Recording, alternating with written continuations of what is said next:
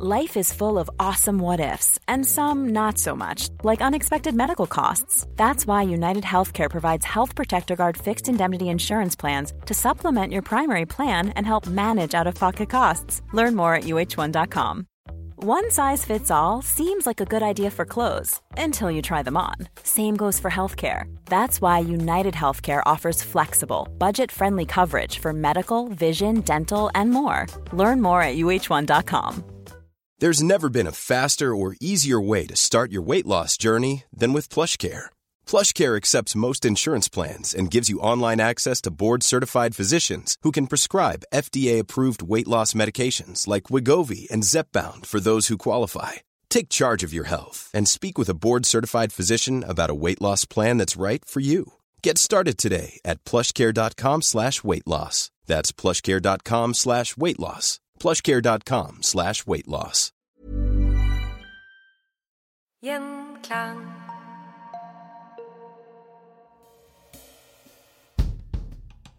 Året er 1937, og jødeforfølgelsene i Tyskland blir mer og mer brutale. Samtidig stenger land etter land dørene for jødene. Heller ikke i Norge er de velkomne. Man frykter å få et såkalt jødeproblem. Nansenshjelpens kvinner reiste gjennom krigens Europa for å hente jødiske flyktninger til Norge.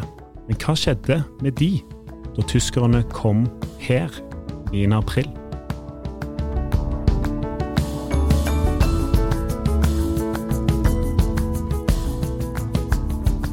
Historien om Nansenhjelpens modige kvinner er historien om kvinner som trossa norske myndigheter, utførte livsfarlige oppdrag og brukte nestekjærlighet som våpen i kampen for å redde mennesker på flukt. Velkommen til Historier som endret Norge. Mitt navn er Christian Gilsvig, og i dag er vi så heldige å ha fått besøk av Hilde Vesaas, forfatter av boken 'Nansenhjelpens modige kvinner'. Velkommen til oss. Tusen takk det er jo litt av en historie du presenterer for oss i, i boka, og mange forskjellige skjebner. Hvordan har det vært å jobbe med, med denne boken? Ehm, det har vært veldig interessant og inspirerende, men også følelsesmessig tungt, det må jeg innrømme. For det, det handler jo om eh, forferdelige ting, og kanskje særlig når det gjelder barn, så blir man jo veldig berørt.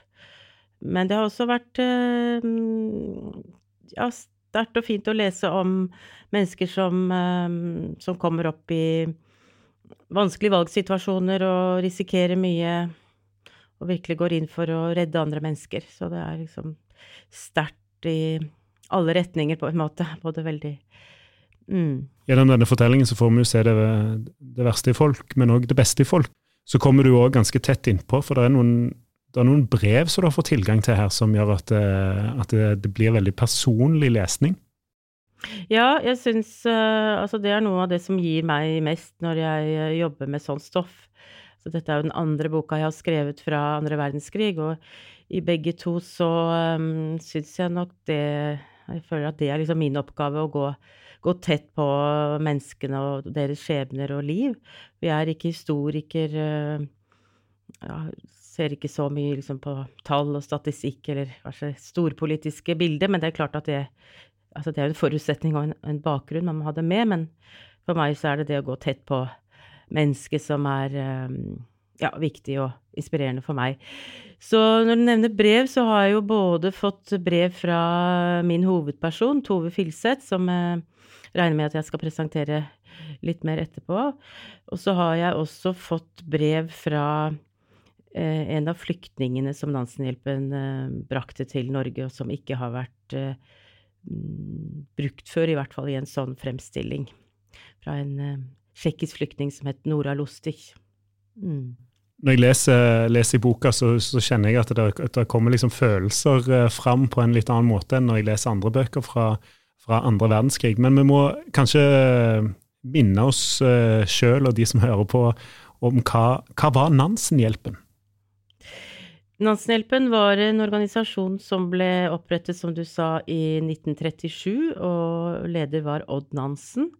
Men initiativtaker var eh, en professor i Han var professor både i tysk og i, i norrøn litteratur, så vidt jeg har forstått, eh, ved Universitetet i Oslo, som het Fredrik Påske. Og både han og Odd Nansen var veldig engasjert i uh, flyktningspørsmål og det som uh, foregikk i Europa på 1930-tallet.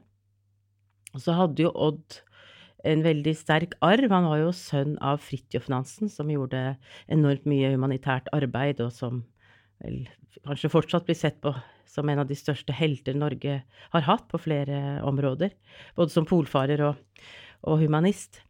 Um, så da Odd snakket med, eller da Fredrik Påske kom til Odd Nansen og sa at jeg syns vi skal starte en ny flyktningorganisasjon, for det gjøres så lite for flyktninger i Norge. Altså regjering og storting var veldig skeptiske, som du også var innom, og det var, eh, ja, det var lite som ble gjort for flyktninger fra et Europa som jo var uh, ja, i oppløsning og veldig uh, prekært for mange mennesker. Men Odd Nansen han var arkitekt og hadde en karriere som var på vei oppover da. Og han, sånn umiddelbart så var han ikke så interessert i å starte den organisasjonen. Han måtte liksom bli overtalt litt. Men så fikk Fredrik Påske med seg flere viktige personer, annet utenriksministeren, Koht, på den tiden. Og så, så ble Nansenhjelpen da etablert på, på Polhøgda, hjemmet til Fridtjof Nansen, i februar 1937. Og de um, gikk da inn for å hjelpe flyktninger på flere måter. Altså de, deres mål var jo å forsøke å få flere flyktninger til Norge, men de samarbeidet også nært både med det som het Nansen-kontoret i uh, Genéve, og de opprettet et flyktningkontor i Wien. For det var særlig Østerrike og Wien de rettet arbeidet sitt mot til å begynne med. Og, de, og det var transatlantisk òg? Altså de, de hjalp mange over til USA og Canada? Ja, etter hvert så gjorde de det. Um, men det var aller mest fra Tsjekkoslovakia at de fikk mange over dit, da. Men hvem var med i denne organisasjonen, da? Altså fra, eh, hvordan kommer kvinnene inn her, da? Tove Filseth ble ansatt som sekretær i Nansenhjelpen ikke så lenge etter eh, oppstarten. Hun eh, befant seg da i London, hadde vært utenlands et års tid, og visste ikke riktig hva vi skulle gjøre når hun kom tilbake, men hun hadde nok sett for seg en karriere som journalist og hadde gjort litt forskjellig. Faren hennes var jo en kjent redaktør og journalist. Han grunnla Gudbrandsdølen eh, på 1800-tallet. Eh, så kom dette brevet fra Odd Nansen, og hun også måtte tenke seg om noen runder. Hun skjønte nok at det kom til å bli et veldig krevende og ansvarsfullt arbeid, og hadde ingen sånne erfaringer. Hun, altså, hun hadde utenlandserfaring, hun eh, hadde erfaring med å mm, treffe mange forskjellige mennesker, og kommer fra et veldig ressurssterkt miljø selv, altså på en måte litt Norges elite. Men fra Lillehammer, da, som var et lite sted. Uh, så hun måtte tenke seg om litt, og der uh, bruker jeg også disse brevene som jeg har fått tilgang til, hvordan hun vurderer og tviler og lurer og skriver om dette i brev til uh, både moren sin og tanten sin. Men så tar hun stillingen og blir da ansatt høsten 1937 og går i gang med å sette seg inn i dette veldig store arbeidsfeltet. Og så får hun raskt veldig mange krevende oppgaver og mye ansvar. Var det andre som jobba frivillig for Nansenhjelpen? Var dette noe som Var Nansenhjelpen en organisasjon som omfavna bredt eh, altså fra start av? Jeg tror både og er, riktig. Når du sier frivillighet, så kom det i hvert fall mange frivillige med eh, under krigen. Altså under okkupasjonen i Norge så hadde de et stort nettverk som, eh, som drev motstandsarbeid, og, og, særlig prøvde å hjelpe flyktninger etter hvert over til Sverige. Så da var det mange frivillige involvert. Eh, men til å begynne med så Altså, de prøvde nok å favne bredt, og de gjorde De fikk mye oppmerksomhet. Eh, de, de hadde mange store arrangement. De innstiftet noe som de kalte Nansenhjelpdagen, som var på Fridtjof Nansen sin bursdag, hvor de hadde landsomfattende arrangementer med både med foredrag og underholdning, konserter. Så de fikk mye pressedekning og mye oppmerksomhet. Og Odd Nansen kom jo virkelig fra Norges elite. Han var jo bestevenn med kronprins Olav så, um, og vokste opp på Polhøgda. De møtte da lite støtte i form av konkret, praktisk politikk.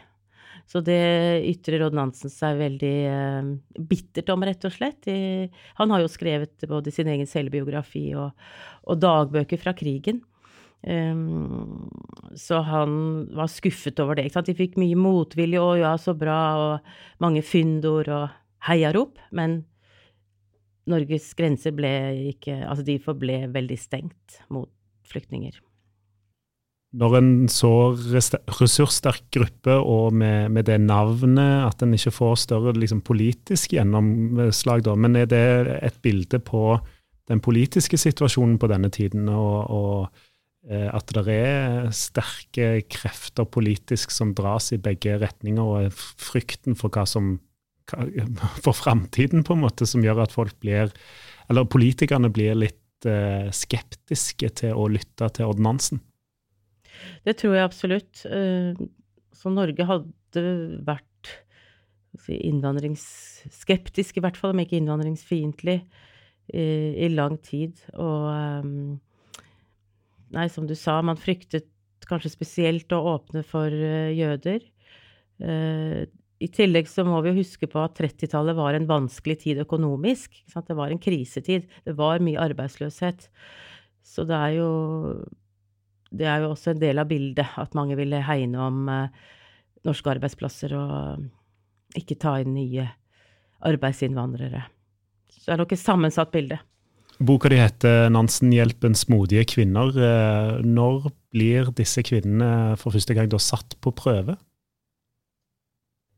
Tove Filseth eh, reiser jo ned til Praha i desember 1938, altså bare litt over et år siden hun uh, var blitt ansatt. Hun ble jo på en måte satt på prøve allerede i Oslo når hun jobbet der. Da handlet det jo om å, å prøve å organisere dette her. For organisasjonen ble jo kjent også ute i Europa, og de fikk veldig, veldig mange henvendelser. Men måtte jo da, av Norges restriktive politikk, veldig, veldig ofte skuffe de som henvendte seg til dem. Ehm, så var de, som jeg sa til å begynne med, så hadde de stort fokus på Wien i Østerrike, men eh, Hitler gikk jo inn i Østerrike og eh, annekterte det landet våren 1938. Så da var det Tove Filseth selv som tok initiativet til at de skulle flytte fokus til Praha og Tsjekkoslovakia.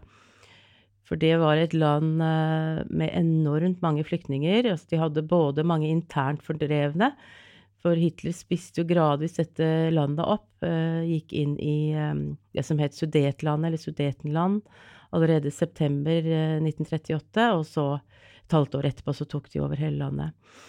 Så de hadde veldig mange fordrev, internt fordrevne, i tillegg til at de uh, i og med at det inntil videre fortsatt var et fritt land, da delvis, så tok de imot veldig mange flyktninger fra nettopp Østerrike og Tyskland. Så hun reiste ned for å etablere et flyktningkontor der, og gjorde det veldig på egen hånd. Og øh, fikk ja, enormt mange krevende oppgaver, men taklet det veldig, veldig bra. Hun, ble, veldig, hun ble, en kjent person i Praha i denne perioden. Og øh, jobbet nesten døgnet rundt, øh, må hun ha gjort. Og ikke bare på det kontoret som ble uh, opprettet for henne, men kom, flyktningene kom rett og slett helt inn på hotellrommet hennes uh, om morgenen, har hun skrevet om, fordi det var så mange desperate mennesker. Det som er interessant uh, akkurat med den perioden, er jo også at altså hun var der nesten et halvt år til sammen, mest i Praha og no, noe også i Polen. I Praha så samarbeidet hun med en som het Ragnvald Konstad, som var sjef for det som het Sentralpasskontoret i Norge, som var den tids UDI, eller UNE, altså som skulle regulere innvandringen. Så han var sendt ned fra norske myndigheter for å se til, eh, liksom kontrollere dette arbeidet til Nansenhjelpen.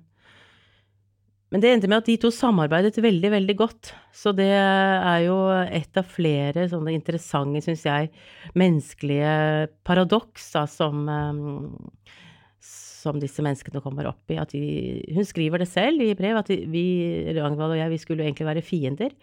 Men uh, de to kom så veldig godt ut av, hverandre, ut av med hverandre, så godt at det spekuleres i om de hadde et forhold. Men det, det, ja, det går jeg veldig forsiktig inn på, for jeg har ikke belegg for det. Men de, så de jobbet veldig tett, men de gikk også ut og spiste og hadde det hyggelig sammen, da.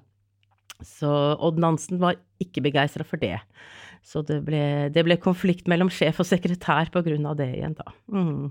Men eh, var det òg litt for Altså, jeg ser jo for meg at eh, når en drar der ned og skal jobbe litt uh, alene, og så i et miljø med mange desperate mennesker, så kan det jo fort være farlig. Mm. så er det jo norske sammen i denne situasjonen, da. Mm.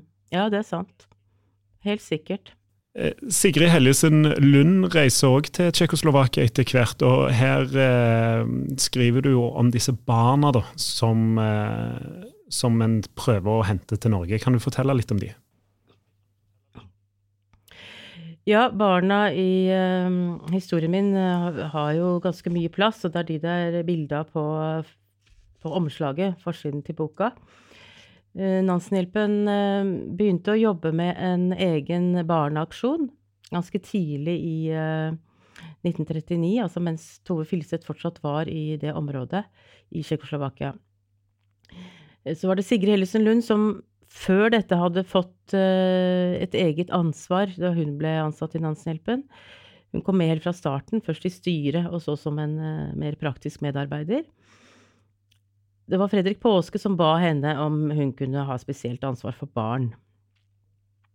Så derfor så var det hun som uh, tok seg av denne barneaksjonen etter hvert når det gjaldt det mer praktiske arbeidet. Det var nok Tove som organiserte mye av det byråkratiske, eller, eller de to sammen, egentlig.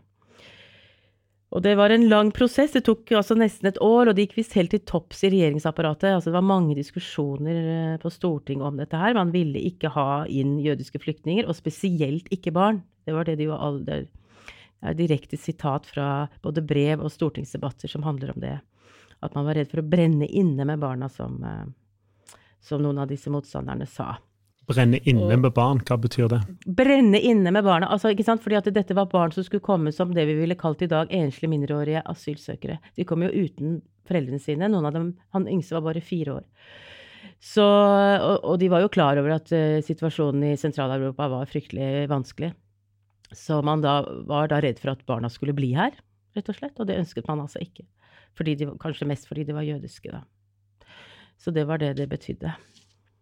Mm allerede der, holdt på å si, det òg kan være vanskelig å på en måte forstå, da. Men eh, mm. eh, er, det, er, denne Er det fordi Er det begrunna i noe annet enn penger og fremmedfrykt, eller? Mm, nei, det må vel være det først og fremst, eh, tenker jeg. Mm. Ja. Men de kommer jo til Norge, da. Hvordan klarer de det?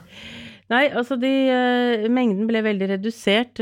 Først så hadde de søkt om 100 barn, og så ble det halvert. Og så ble en kvote barn som jødiske barn som allerede befant seg i Norge, altså som også barneflyktninger, som hadde kommet uh, året før fra Wien.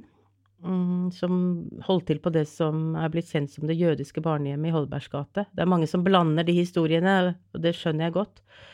Um, og Nansenhjelpen var involvert i, i, de flyktningene som kom sommeren 1938 også. Jeg mm, husker ikke i farten hvor mange som kom da. Var det ca.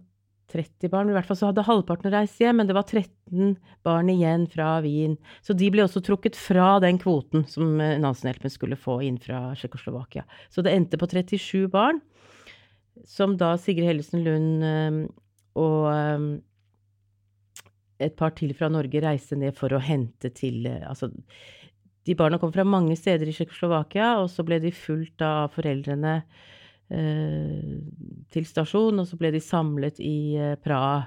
Og der eh, reiste de sammen med Sigrid Hellesen Lund via Berlin og så opp til eh, Sverige og til Oslo til slutt. Så de kom 26.10.1939 kom de 37 barna til Norge.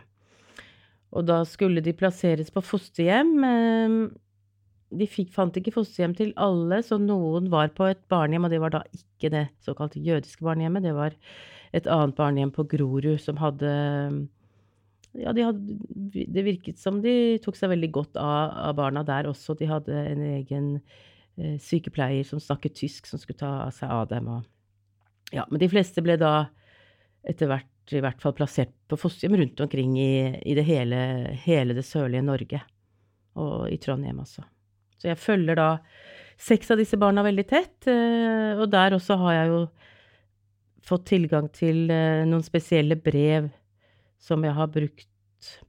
Både brev fra barna selv til eh, sine egne foreldre, og etter hvert til fosterforeldre og korrespondanse mellom foreldre og fosterforeldre, og mellom Nansenhjelpen og foreldre og fosterforeldre. Hvordan oppleves en sånn reise for et barn? Nei, det tenkte jeg mye på, og um, jeg brukte også en, en hovedoppgave av en som heter Margrethe Hamkoll, som har skrevet spesielt om det. Uh, som også handler, de handler både, den handler både om disse barna fra Tsjekkoslovakia og de barna fra Wien. Og hun går veldig inn på det, hvordan var det å komme som ja, fire år, syv år, ti år alene til Norge som flyktning.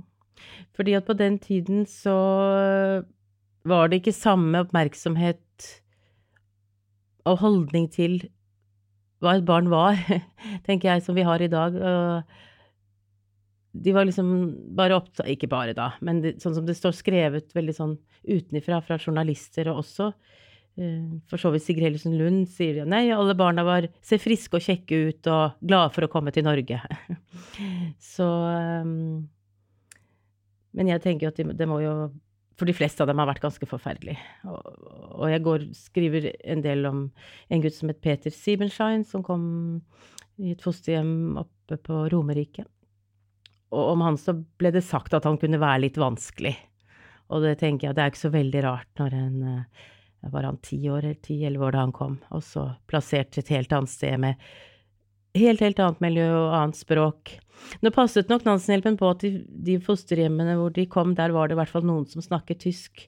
De fleste barna kunne tysk, ikke alle. Men uh, klart at det var, må, ha vært, må, ha vært, vanskelig og, uh, og tøft for dem. Mm. This is Paige, the co-host of Giggly Squad, and I want to tell you about a company that I've been loving, Olive and June. Olive and June gives you everything that you need for a salon quality manicure in one box. And if you break it down, it really comes out to $2 a manicure, which is absolutely insane. It's also so easy to get salon worthy nails at home with Olive and June. The difference between how your nails used to look when you did them yourself and now with the Manny system is a complete game changer. The best thing about Olive and June too is it's a quick dry, dries in about one minute, lasts for five days, and full coverage in up to one to two coats. Visit oliveandjune.com slash perfectmanny20 for 20% off your first system. That's oliveandjune.com slash perfectmanny20 for 20% off your first system system. Cool fact a crocodile can't stick out its tongue. Also, you can get health insurance for a month or just under a year in some states. United Healthcare short term insurance plans, underwritten by Golden Rule Insurance Company, offer flexible, budget friendly coverage for you. Learn more at uh1.com. Hey, it's Ryan Reynolds, and I'm here with Keith, co star of my upcoming film, If, only in theaters, May 17th. Do you want to tell people the big news? All right, I'll do it. Sign up now and you'll get unlimited for $15 a month in six months of Paramount Plus Essential Plan on us. Mintmobile.com slash switch. Upfront payment of $45 equivalent to $15 per month. Unlimited over 40 gigabytes per month. Face lower speeds. Videos at 480p. Active Mint customers by 531.24 get six months of Paramount Plus Essential Plan. Auto renews after six months. Offer ends May 31st, 2024. Separate Paramount Plus registration required. Terms and conditions apply if rated PG. Tankene går jo, går jo til barna når jeg leser i, i boka di. og det som oppleves som det tyngste i denne fortellingen, kanskje fordi det er litt mm. et nytt perspektiv for meg, og det kommer litt overraskende på, er jo de ekstreme dilemmaene som eh, kvinnene i Nansen-hjelpen sto ovenfor eh, et halvt år etter at de 37 barneflyktningene kommer til Norge i det de tror er trygghet, og så blir jo Norge okkupert. Hvordan vurderer de den situasjonen? Nei, det er absolutt det tyngste og vanskeligste punktet, som du sier, og det er vel også det som er eh, litt nytt da i, i min bok, er at jeg framstiller hele den eh, historien rundt det der, for det har vært sagt tidligere liksom Det som har vært litt sånn delvis sannhet, og ikke hele bildet. For det, altså de kom i oktober 1939, så var det jo bare et halvt år, så var eh, 9. april og tyskerne her i Norge også. Og det ble et veldig vanskelig spørsmål hva som skulle skje med barna. Noen foreldre henvendte seg til Nansenhjelpen og ba om å få barna tilbake. Og det kan en jo tenke seg ikke var så unaturlig, fordi eh, når de fikk høre at Norge også var okkupert av tyskerne, så tenkte da at da vil vi jo heller ha barna her hjemme hos oss. Mens andre foreldre reagerte virkelig helt motsatt og skrev veldig insisterende brev til Nansenhjelpen at de ikke måtte finne på å returnere barna. Og det skrev de da etter at de hadde fått henvendelse fra Nansenhjelpen om å ja, hjelpe til, vet ikke riktig, men i hvert fall så gikk Nansenhjelpen faktisk inn for å returnere barna veldig kort tid etter 9. april 1940. Altså allerede i mai Fant brev allerede fra mai 1940 hvor eh, de skriver til både foreldre og fosterforeldre om at nå prøver de å organisere en retur av egentlig alle barna til å begynne med, og så går det jo ikke sånn. Altså at noen foreldre protesterer veldig skarpt på å få barna hjem. De sier at det kan dere ikke finne på, her blir det bare vanskeligere og vanskeligere dag for dag å være jøde. Og selv om vi har gått til den sjelelige amputasjon, skriver faren til Thomas og Ilse Mautner, søsknene som eh, Ja, Thomas Mautner var den aller yngste som kom, da bare fire år. Selv om vi har gjort det, så eh, ønsker vi ikke barna tilbake, altså. Fordi at de skjønte at det var mye større sjanse for barna å overleve hvis de fikk være i Norge. Og det som en mor og en far i, i, et krigsherja land da sier, er jo eh, altså Risikoen for å ikke få dem tilbake igjen da, til, til, dette, til seg sjøl, er jo at de aldri får se dem igjen. Absolutt. Og allikevel så er de så tydelige i disse brevene på Ja. at de ikke vil ha de, ha de hjem. Det er jo Jeg, jeg kjenner jo jeg, jeg kjenner jo følelsene kommer bare, i- bare, bare vi snakker om det nå. Ja. Det er veldig, det er veldig, veldig sterkt. Mm. Dette går jo ikke bra for alle. Nei, slett ikke. Um, så vidt jeg vet. Da, følger jeg disse seks barna veldig tett, og så vet jeg en del om noen flere, men jeg har ikke oversikt over alle. Men så vidt eh, vi vet, da de har eh, undersøkt meg, så var det ingen av de som ble returnert, som overlevde, rett og slett. Og 19 av dem ble sendt tilbake. Så ca. halvparten. Um, mm. Jeg skriver også om en, en, en kvinne som også var en av de modige kvinnene i Nansenhjelpen, men som jeg ikke fikk plass til å skrive så mye om. Hun het Ingebjørg Sletten. Hun var forresten fra Stavanger, eller i hvert fall Rogaland. Eh, og hun ytrer seg om, altså i ettertid, når hun blir intervjuet av Ragnar Ulstein um, På Hjemmefrontmuseet er jo veldig mange flotte intervjuer der med motstandsfolk. Hun mistenkte, sier hun, at det at barna ble sendt tilbake, ikke bare at det ikke var bra, men hun var usikker på om det egentlig var de foreldrene sitt ønske. Så hun sier noe om at jeg tror kanskje det var av høflighet at de tok barna tilbake. For Nansenhjelpen går da ut og sier nei, eh, nå er situasjonen i Norge så vanskelig og så uoversiktlig. Vi vet ikke om fosterforeldrene kan eller vil ha barna her mer. Vi vet ikke, skal vi, de, de vurderte flere ting, om de skulle prøve å få dem over til Sverige med en gang, og de, ja, de var veldig opprådde.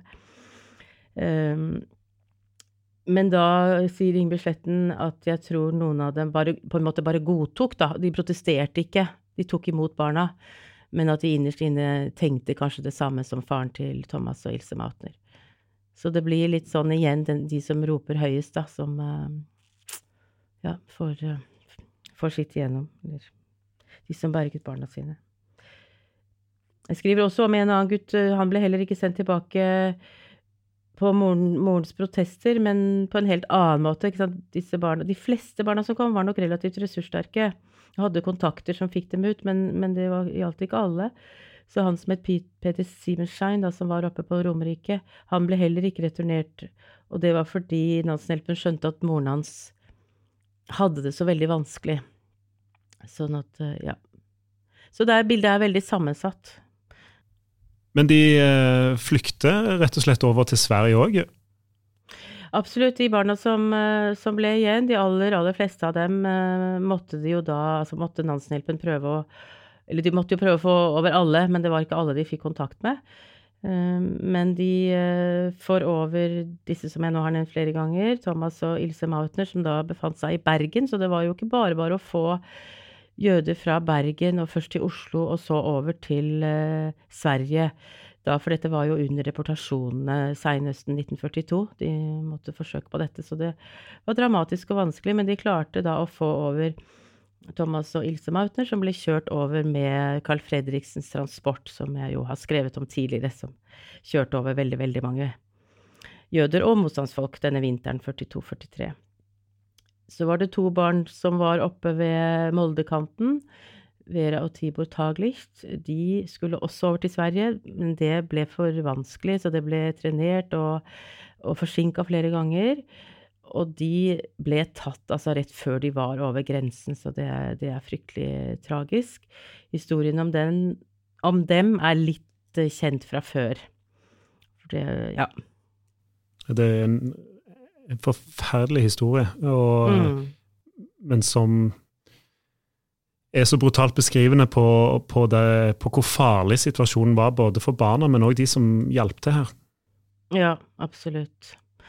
Og Tove Filseth måtte jo selv uh, flykte til Sverige ja, på dagen omtrent, måtte i hvert fall gå i dekning, uh, for hun ble angitt av en jøde som ble, som ble arrestert og, og, torturert, og som da nevnte flere, blant annet henne, så hun måtte gå i dekning og, og flykte tidlig i november 1942. Så det er klart dette var veldig, veldig farlig for alle involverte. Hvordan har Nansen-hjelpens modige kvinner endra Norge? Sånn helt direkte, så det første jeg tenkte på da, var altså, to flyktninger som jeg ikke har, har, nevnt her, men som eh, ble veldig betydningsfulle personer i Norge i mange tiår etter krigen. Det er eh, Berthold Grünfeldt og Leo Eitinger. Begge de to kom til Norge med Nansenhjelpen, altså ved hjelp av Nansenhjelpen. Berthold Grünfeldt var et av barna som kom til Oslo oktober 1939. Han eh, bodde på det jødiske barnehjemmet i Holbergsgata, så det er nok litt derfor også at disse historiene blir litt sånn miksa opp.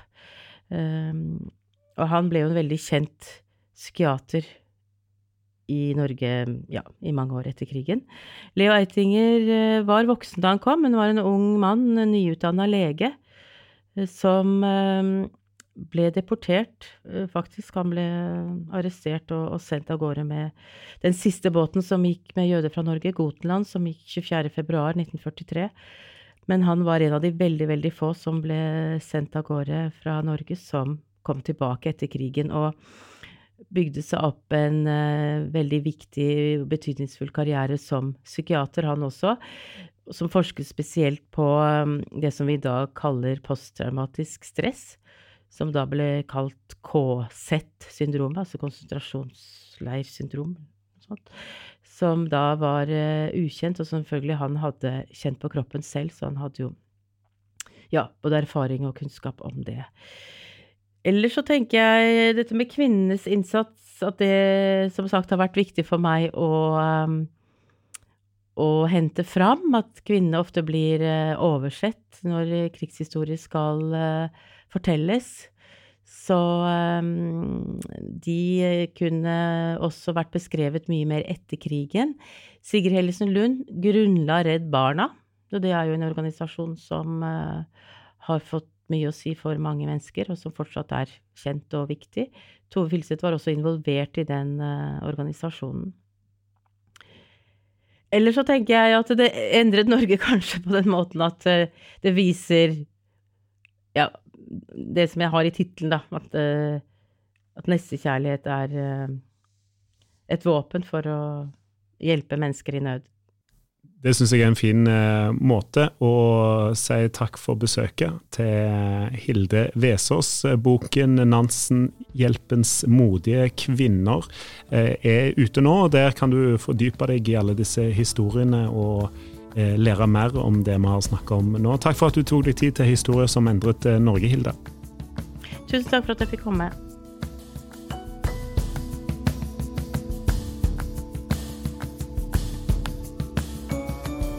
Hvis du er glad i historier som endret Norge, så vil du òg like historier som endret verden. Kollega Kristian Konglund han eh, kommer med en ny episode hver torsdag. Og nå på torsdag så kommer han med en splitter ny episode av Historier som endret verden. Ta og Sjekk ut eh, den.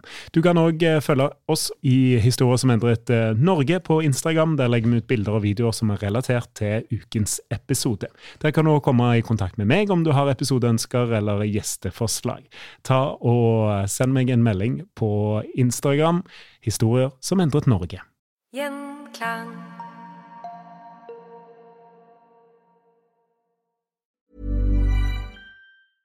Imagine the softest sheets you've ever felt. Now imagine them getting even softer over time. That's what you'll feel with Bowl and Branch's organic cotton sheets. In a recent customer survey, 96% replied that Bowl and Branch sheets get softer with every wash. Start getting your best night's sleep in these sheets that get softer and softer for years to come. Try their sheets with a 30-night guarantee. Plus, get 15% off your first order at bowlandbranch.com. Code BUTTERY. Exclusions apply. See site for details.